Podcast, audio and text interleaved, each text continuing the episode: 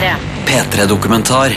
Når jeg har gått av eh, toget på Hallen stasjon eh, Nå veit jeg ikke åssen han jeg skal møte, ser ut. Han har ikke villet gitt meg telefonnummer eller si noe om hans, åssen han ser ut. Men litt fordi at han vil at jeg skal se om jeg skjønner hvem som er en prepper, altså survivalist. En som er forberedt. Prepperne er en P3-dokumentar om virkelighetens Valkyrien-Leif. Av Vebjørn S. Espeland. P3.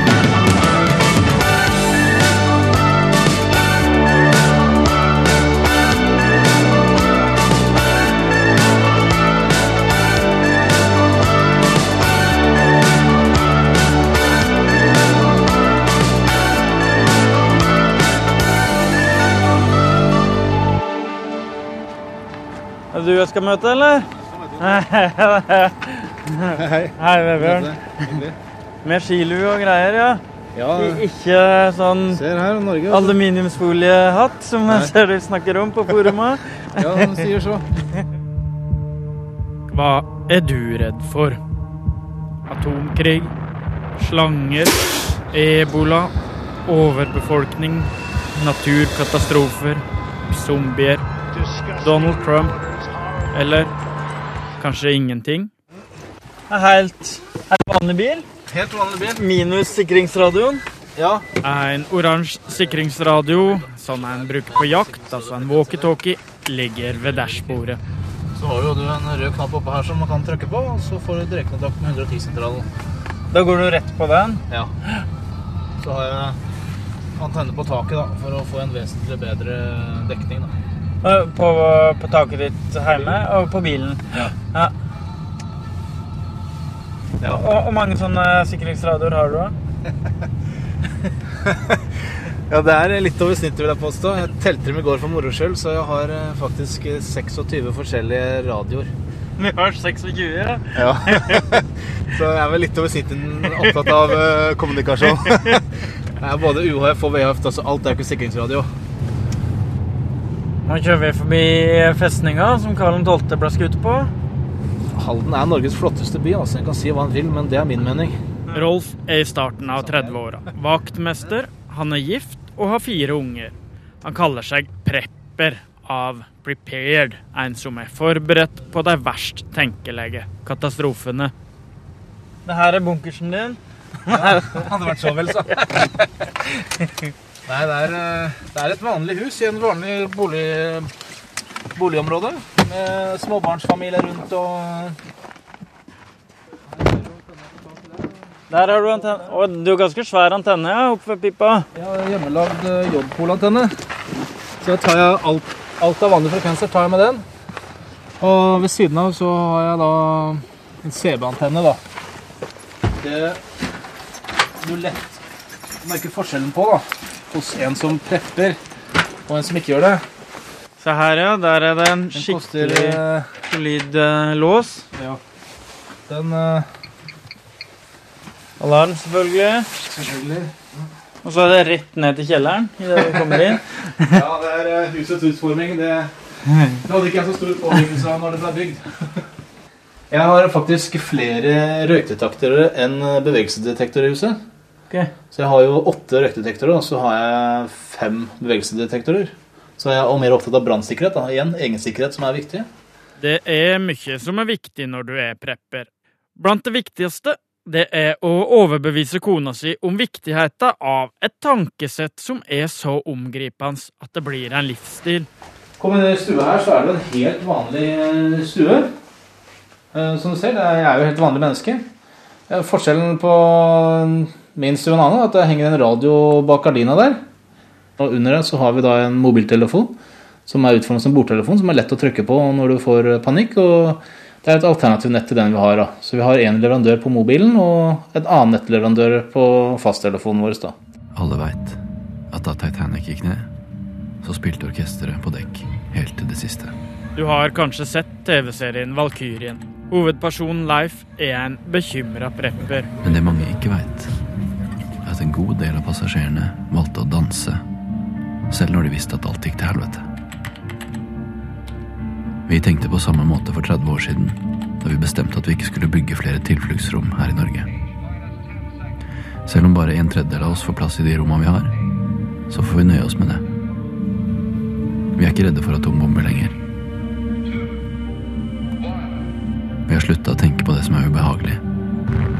Den tynne hinna som skiller idyll fra kaos. Jeg begynte å se på den ved tilfeldighet, og jeg må innrømme at jeg syntes den var kjempemoro. Så jeg gikk inn på nrk.no og så de to første episodene. Og det er litt gøy å se på han eh, Leif, tror jeg han het. Veldig Altså, jeg hadde med et par venner og var med og se på. De sa 'Det der er jo deg', sa han til meg. og jeg, nei, jeg har ikke flere uniformer, og jeg, jeg har ikke noe svær bunkersanlegg jeg kan leke meg på, men eh, ja, jeg forstår tankegangen hans. Der eh, jeg er nok eh, Ligner nok litt mer på Leif enn på han legen, for å si det sånn. De som skrev TV-serien, har brukt mange timer på forumet for norske preppere, Norsk Survival Forum. På forumet så er det rundt 100 aktive brukere, 20 veldig aktive, som diskuterer ting som potetdyrking, bygging av tilfluktsrom, Gjøviks utsatthet ved atomkrig og sterk skepsis mot journalister. Så jeg bare fant fram på nettet, da, fant dette forumet. Og sendte av gårde noen uh, Skrev noen meldinger. Hei, er det noen som vil snakke med meg? Sean Henrik Matheson er programleder i P13. Jeg vet ikke om de var fordomsfulle, for så vidt, men de har hatt dårlige erfaringer da, med journalister. Tydeligvis. Og er redd for å bli satt i en bås og bli kalt gærninger og, og sånn. Jeg holdt ikke på så lenge med det, fordi vi, vi gikk videre til andre saker og sånn, men, uh, men de, de, var, de var litt sånn Paranoide er litt dumt å si, men jeg sier det allikevel. Jeg var jo veldig skeptisk eh, til deg, da. Det skal jeg ærlig innrømme, så jeg sjekka deg litt opp. Dessverre så tar ofte folk og ler av deg fordi de ikke forstår alvoret, eller så er de rett og slett flaue på egne vegne og ikke dem sjøl har tenkt på det, og så da istedenfor å innrømme egne feil, så er det lettere å le av andre. Og så har du jo det med at uh, i prep-miljøet er veldig redd for å blottlegge seg, for brått så tror de at alle andre skal komme og raide meg. Men uh, ja, kommer de, så biter jeg. Run out of bullets? This is the product you really want to see. And to survive. Tim, look at me. This is Doomsday Preppers. Norske preppere er redde for å bli framstilt som våpengærne tullinger, som mange av Doomsday-prepperne i USA. Der dukker ofte uttrykket tinnfoliehatt opp, eller aluminiumsfoliehatt, altså noe på topplokket for å hindre tankekontroll og stråling. Eh, jeg får den følelsen av at de fleste ligger sånn midt på tre eh, av realisme, da. Hvor fem er uh, gørrkjedelig og én er zombie-dommedag. Det mange gjør feil, føler jeg, da, er at de da hamstrer inn i de dimensjonene så det, det går på familielivet løs, da. Som jeg kan jo ikke kjøpe meg, selv om jeg har veldig lyst på, en svær eh, P93-Scania fra militæret, liksom. Hva er det for noe? Det er en svær lastebil med firehjulsdrift som går overalt, og det kan jeg ikke anskaffe meg. Jeg kan ikke anskaffe meg 10 eh, 000 våpen heller, i tilfelle zombiene kommer, liksom. Det koster for mye penger, og det, det er jo ikke realistisk i min verden, vel å merke. Zombier, det er jo eh, det, det, er jo det ekleste som fins. Maren Struksnes har faktisk trudd på nettopp zombiedommedag og er dermed ei av de som Rolf mener kan ødelegge litt av ryktet til norske preppere. Det er nok fortsatt mitt verste mareritt. Det er når dette forferdelige viruset får eh, spredd seg, og det sprer seg raskt, skjønner du. Over hele planeten. Og så sitter du da i sjette etasje i leiligheten din på Grønland og er omringa av eh, kjøttetende levende døde, rett og slett. Hvor redd var du for det her da du var yngre? Jeg var ganske redd for det. Jeg var, jeg var kjemperedd for det. Og jeg skal ikke si at eh, selv om jeg har blitt eh, så godt som voksen nå, at jeg ikke tenker på det i det hele tatt lenger. Altså jeg kan, Hvis jeg går gjennom Vaterlandsparken i mørket og møter en haltende, litt sånn saktegående mann, så melder det seg jo et lite sånn pang av frykt. da. Gjør det? Ja, det gjør det. altså, det gjør det. I alle tider har folk vært redde. I gamle dager så var det tordenguder, ånder, tusser og troll. Så kom kjerka og hjalp oss til å bare frykte djevelen og helvete. Du vet at hvis du stupte død ned på gulvet nå, så stupte du rett i helvete.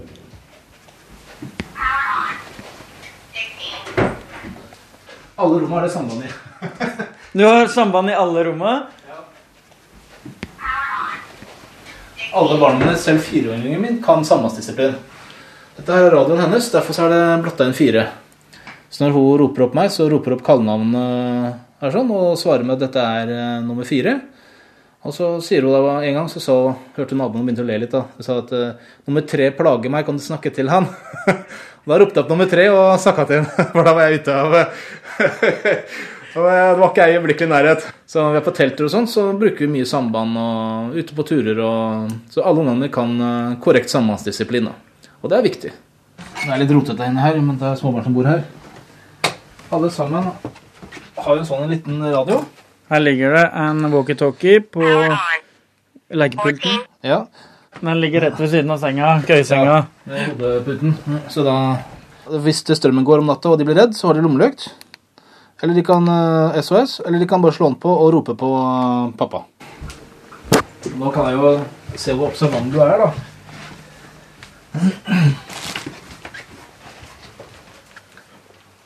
Du har i hvert fall et lager med banankasser. Ja, det, Det er faktisk veldig mange som ikke legger merke til det, men der gikk du forbi faktisk tre måneder eh, komplett med mat og medisiner og alt du trenger for å overleve tre måneder. da. Ok, det må vi kikke nærmere på. Ja. Det, det her er TV-stua Det er TV-stua og bunkersen. Ja, i og med at det er kjelleren, så er det her eh, letteste plassen. Og Et rom helt uten vinduer. Helt uten vinduer, ja. Mur, Eh, mur, mur. Ja, det var ikke et uh, valg jeg gjorde, i og med at jeg ikke bygde huset her sjøl. Men uh, dette er da blitt uh, samlingspunktet vårt hvis vi må isolere oss da, og det blir kaldt ute og vi må holde temperaturen ute. Så er det her det tryggeste rommet å være. da. Også ved, har ikke jeg noe tro på at det blir noe bombing av Norge, men blir det det, så er det her vi samler oss. da. For det er, det er det tryggeste rommet, for å si rett ut. Det er blitt en livsstil, det, rett og slett. Å hele tida tenke hvordan hvordan kan jeg agere hvis sånn og sånn skjer? Det er eh, viktig at vi da tenker på det at det kan skje, for det vil skje, men spørsmålet er når. Kanskje ikke nødvendigvis med deg, men kanskje med naboen din, kanskje med mammaen din. Det skjer noe hele tiden, og da er det viktig å tenke på hva kan jeg gjøre? Hvor ofte tenker du på sånne scenarioer? da? Ja, det er lettere å si hvor ofte tenker jeg ikke på det. ja, det, det surrer går hele tiden til det plagsomme til tider. Jeg, jeg skulle til å spørre, hvor slitsomt er det? da? Nei, det er, eh, det er slitsomt i den forstand at eh, det er jeg som legger meg sist, for jeg sjekker alltid dører og vinduer. Jeg sjekker at lyset ikke står på.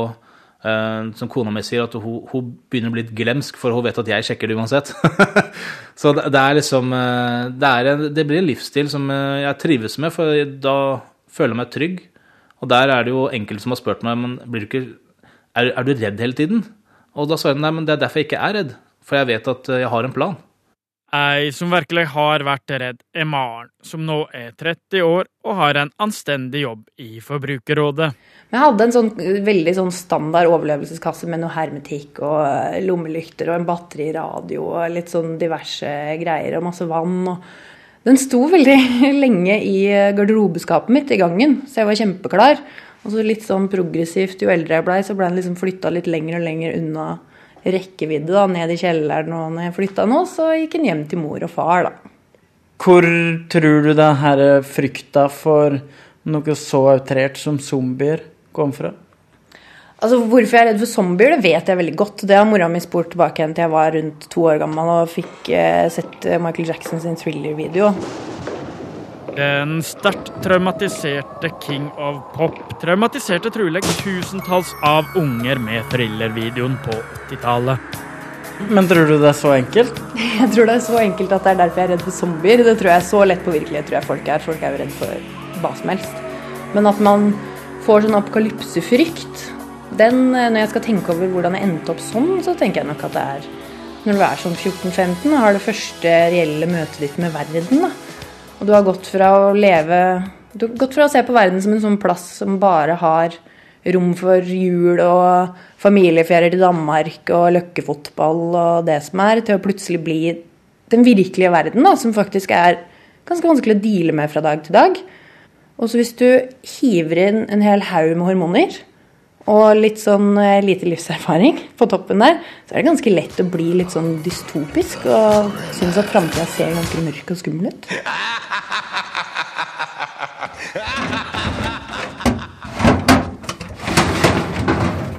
Alle preppere tenker på én T-kasse. Eh, Jeg tenker to, da.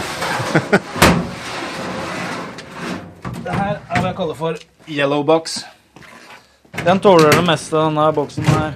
Ja, tåler en god del. Det er jo ekte Sargo-kasse. Der har jeg et strømmegatt som, er, eh, som dekker mitt behov. Og inni plastikkassa her så har jeg ytterligere mer samband. Lommelykter og batterier og det jeg trenger for å ha kommunikasjon med familien. Hvis det skulle bli en solstorm eller EMP, da. Ja, øh, for det her tåler liksom mer eller mindre atombombeangrep. Sol- Nei, det Men, men det er solstorm som er litt skumle, for det slår ut alt. Alt elektrisitet, ja. Stemmer. Så jeg er litt opptatt av at uh, hvis det kommer noe sånt noe her, sånn, så har jeg fem minutter å generere strøm og lade utstyret mitt og ja, ha ting på stell. I tillegg til to solstormsikre kasser, så har Rolf tolv banankasser med ukesrasjoner av Hakkebøff, mange av det. Leverpostei. Spagetti. Eh, lapskauser. Barnas favoritt er fiskeboller. Mye væske inni. og medisiner til familien. Han har også to sekker med utstyr pakka klare etter flukt ved krise. Vi ser lommelykt, batterier, kart og kompass, tannbørster, enkelt rensesystem. Ekstra briller og ekstra medisin og deodorant og, og sånne lite kart over eh, farlige planter i Norge og trygge planter i Norge. Vi har lokalkart. Ett av karta er nummerert med åtte punkter. Og så istedenfor å si hei, jeg er ved Rema bak, eh, bak i bygget her borte, så har vi heller vi er på samlingspunkt tre. Eller fem. Så da har vi et kart som da gjør at vi kan se hvor vi er da. Sånn at da bør vi ikke røpe oss over sambandet da. Så jeg har selvfølgelig tenkt sånn at eh, huset er ikke nummer én, for å si det sånn. Det er eh, et annet nummer. Det er et uttrykk som går igjen på disse foruma. SHTF. Ja. Fortell. Ja, det er eh, shit hits the fan. Altså when thing gets real, er det også mange som sier. Ja, På norsk blir det veldig dårlig oversatt når dritten treffer vifta, men da blir det mye møkk. Det er veldig billedlig, da. Ja, det er det. Så, Nei, det er, det er når eh, krisesituasjoner oppstår. Eh, det jeg opplever Mange snakker om dommedag og sånne ting. Undergangen. Undergangen og sånn, ja. Da tenker jeg litt sånn nøkternt på det, at for de som da opplever jordskred, som er i jordskredet, for dem så er faktisk undergangen et faktum. Og det blir undergangen. Tusamien var undergangen. For de som opplevde det og sånn. Og, og det er jo Da var det shit hits the fan. Uh, og vet ikke helt hvor mange lovløse tilstander det ble da, men jeg fikk inntrykk av at det ikke var så ille som uh, det kanskje kunne ha vært. Men så du var i diskusjon inne på forumet med en kar som kalte seg for Kenneth, som var veldig bekymra for landstrykere og plyndrere ved When the shit hits the fan. Hva tenker du om det? Ja, da tenker jeg at det er jo dessverre en realitet når eh, det offentlige svikter og det ikke er nok ressurser til å ta vare på sivilbefolkningens eh, sikkerhet, da. Så er jo vi i Norge et av landene med tettest våpensamling, da. Så da tenker jeg at det er en reell trussel som man må ta høyde for å ta sine forhåndsregler mot det, da.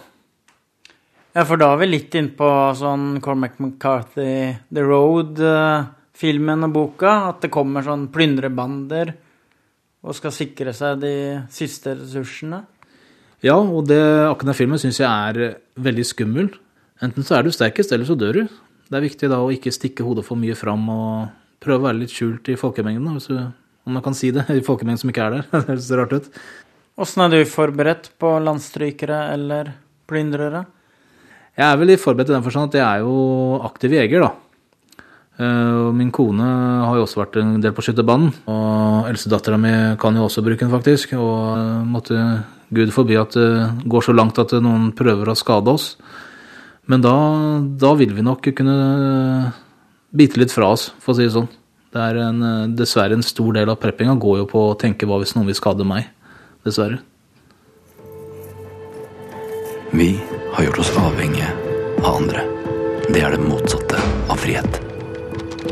Den dagen du ringer et nødnummer, og ingen kommer for å hjelpe deg, hva gjør du da?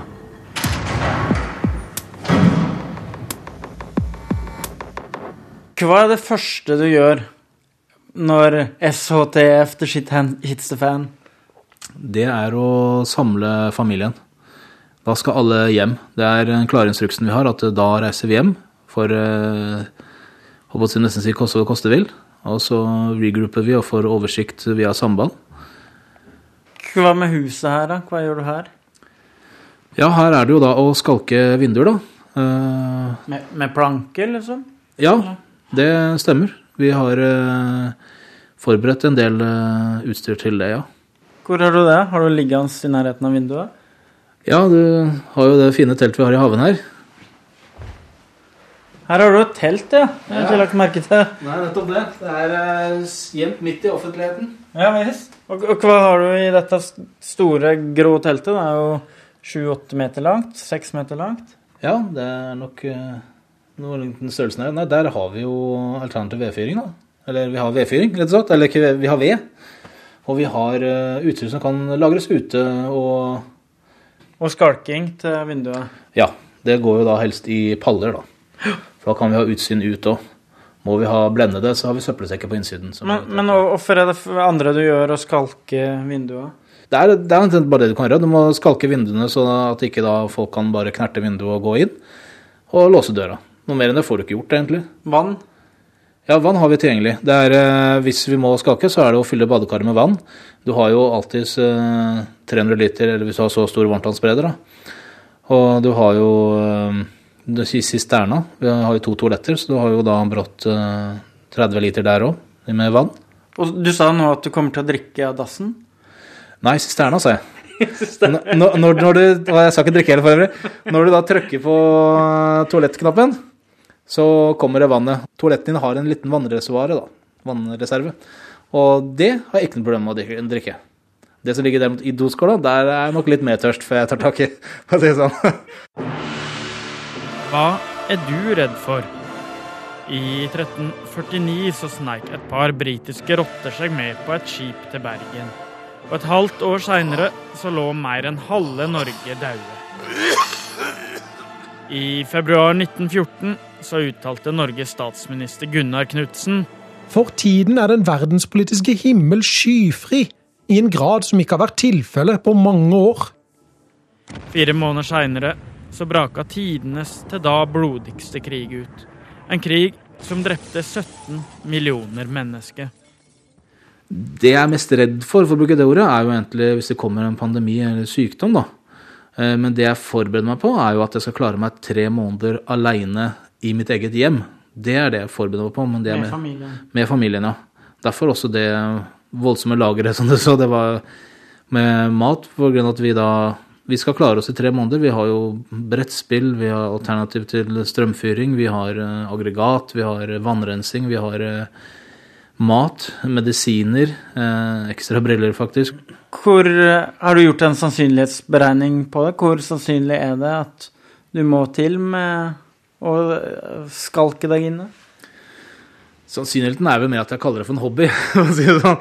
Er, eh, men eh, jeg ble jo dessverre isolert når svineinfluensaen kom. Det er ikke sikkert at jeg hadde svineinfluensa, men jeg fikk beskjed av legen å ikke gå ned på kontoret, hold deg hjemme og ikke kontakte andre mennesker.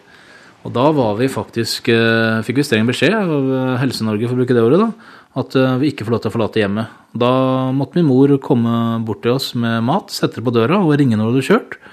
Og så lukket vi opp døra og tok inn maten, og da skjønte jeg at dette fungerer ikke. Da hadde jeg allerede et barn, og to faktisk, og jeg, jeg, jeg var ikke en ordentlig familiefar, følte jeg. Det var en skikkelig personlighetsknekk også, da skjønte jeg at oi, dette her er ikke noe Sånn skal ikke jeg ha det. Det DSB fokuserer på er i alle fall ikke bare terror øh, og, og cyberangrep og sånt, men også vær og vind og rett og slett alle de ulike tingene som er der. Per Brekke er assisterende direktør i Direktoratet for samfunnssikkerhet og beredskap, altså de som passer på oss. Opererer det med noe sånn worst case-scenario? Hva er det? Ja, dette er jo enkeltstående scenarioer. altså Vi kan gå inn og så kan vi snakke om én pandemi. Og Det er klart ikke den som vi hadde i 2010, men kanskje den som ligner mer på det som var under spanskesyken, er nok noe som vi ser har en relativt høy sannsynlighet. Dvs. Si at fortsatt er det langt nede på den skalaen, men at det kan være veldig alvorlig og vanskelig for samfunnet. I 1918 så brøt influensaen spanskesjuka ut i USA, og smitta i løpet av to år en tredel av hele verden. Statsminister Gunnar Knudsen brøt alkoholforbudet og tildelte hver husstand en halvliter konjakk eller whisky på resept, uten at det redda altfor mange. Til sammen så døde fem til ti ganger så mange av spanskesjuka som de 17 millionene som døde under første verdenskrig. Eh, Og det er ikke til å komme bort fra at eh, til tider så kommer strømmen til å gå, og det kan bli både mørkt og kaldt. Til tider så vil ikke den telefonen som vi har blitt så veldig avhengig av, fungere. Hvor stort matforråd anbefaler dere at vi har hjemme da? Tilbake under den kalde krigen så var jo dette veldig detaljert. Da gikk det liksom på mel og, og, og, og gjær og det ene med andre. Tre til fire dager tror jeg eh, det hadde vært eh, fornuftig å hatt, eh, hatt hjemme. Også kjendisolog Petter Bøckmann mener det er viktig å ha tenkt på hva en skal gjøre ved et nytt globalt sykdomsutbrudd. Sjøl så har han munnbind og desinfeksjon klart. Jeg spør Prepperolf om Starten på at uh, du blei såpass opptatt av uh, beredskap. Det starta vel egentlig så tidlig som på barneskolen, når jeg hadde to barndomsvenner som brant inne. Eh, Da begynte jeg å tenke hva hvis det skjer meg? Eller oss, da. Eh, De omkom dessverre. De brant jo inne. Eh, De gjemte seg under senga når eh, de hadde lekt med jeg tror var fyrstikker, de sa. Og så begynte det å brenne, og der døde far i huset og de to barna. Og det var en forferdelig opplevelse å, å huske tilbake på. Jeg skjønte ikke så mye den gangen, annet enn at hva gjør jeg hvis det begynner å brenne? Men i voksen alder så har jeg også fått egne barn, så har jeg tenkt mye på det. Og det gjør at vi har hatt brannøvelse med barna, og det redda faktisk barna, eller eldstegutten min ble redda av det, for det begynte å brenne. Han eh, hadde tatt en lighter og opp på rommet og begynte å leke, og så tok det fyr i gardina. Han, Guttungen min gjemte seg under senga når han ble redd for flammene. Men så kom han på det at eh, her, vi, øver jo to ganger i året, da. Og da, da gikk han ned trappa og møtte mamma, for å bruke det året. Og hun, eh, hun samla ungene da og satte dem i bilen og kjørte litt unna huset som rutinen er. Og jeg da var jo da allerede ferdig med å slokke brannen før eh, hun kom seg helt ut. Men eh, rutinen er at hun skal ut med ungene og sitte i varm bil. Hva skjedde da med den her grønne apokalypseboksen som du hadde i gangen? ja, den eh, havna jo da enda lenger unna enn en armlengdes avstand når jeg da dro den fra kjelleren og til mor og far når jeg flytta sist. Og når jeg nå ringte mora mi da, for å høre om hun huska den, hadde sett noe til den, så måtte jeg innrømme at det hadde forsynt seg hermetikken, da. Så den har jo i hvert fall kommet med til noe godt så langt. Åssen hermetikk var det? Det var vel noen tomatbønner og noe greier. Jeg hadde, jeg hadde ikke noen sånn kjempekjip ungdomstid. Det er jo ingen som har en dritartig ungdomstid, men jeg ble ikke mobba eller noe sånt. Det er ikke noen sånn tårevåt historie. Men jeg var ikke kjempepopulær, og det var liksom vanskelig for meg å bli lagt merke til. Jeg var ikke dritgod på en spesiell ting. Jeg var ikke dritgod på noe, egentlig. Ganske sånn jevnt over vanlig. Og da tror jeg kanskje at eh, den der apokalypsefrykten var litt mer et apokalypsehåp, da, rett og slett, selv om det er litt sånn dark. At man kanskje håpa at en vakker dag så skulle den komme, den, den tilstanden hvor sånne folk som meg, sånne som det er litt vanskelig for å bli lagt merke til og anerkjent, at de skulle få en sånn naturlig plass som liksom de som alle trenger, og de som alle trenger å få hjelp av, de lederne. Og den Jeg tror nok at når jeg fikk det der unna meg, når jeg klarte å gå mer sånn vekk fra den tankegangen, ikke at det var noe særlig aktivt arbeid, det var nok når jeg fant noe sjøl som jeg var veldig god på. Når jeg endelig fant den tingen, slumsa over den og fikk, ble tryggere på meg sjøl og fikk større nettverk og fikk meg kjæreste og altså ballen ruller bare, så hadde du kanskje ikke noe behov for den, den framtida lenger. Hvor gammel var du da? Skal jeg svare ærlig på det? Jeg var nok litt opp i 20-åra, det var jeg nok. Når jeg helt slutta å bekymre meg for det. Midten av 20-åra? Ja, det er nok kanskje 24-25, tror jeg. Uff, det er litt flaut. Men ok, det jeg lurer aller mest på, er jo selvfølgelig hva tenker kona di om det her? Ja, der er jeg veldig heldig. Eh, som jeg sa tidligere òg, at hun er ikke sånn utvaska prapper sjøl. Men hun er veldig glad for at jeg er det. Så hun setter pris på at jeg gjør det, og har jo sine meninger. Og hun syns jeg har litt mange radioer, hun syns det. Men eh, på annen side så har jo hun mye klær, da.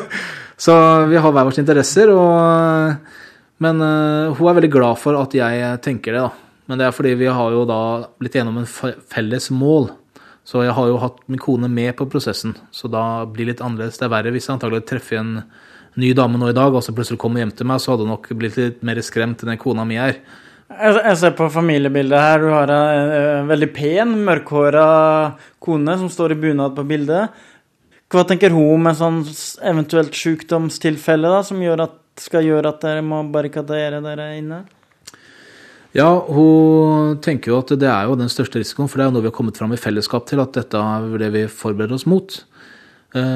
Og vi håper For du hadde andre ting? Du var Ja, når jeg var yngre, så var det jo den typiske ut på skauen og skal klare seg med kniv og hagla. Men eh, så fikk en jo barn, og i og med at vi opplevde svineinfluensa Eller om vi hadde det, skal jeg ikke si, men vi ble for isolert. Og vi har jo Så det er det vi frykter mest og ser på som mest største realiteten. Da fant dere minste felles multiplum der? kan vi si det på den måten?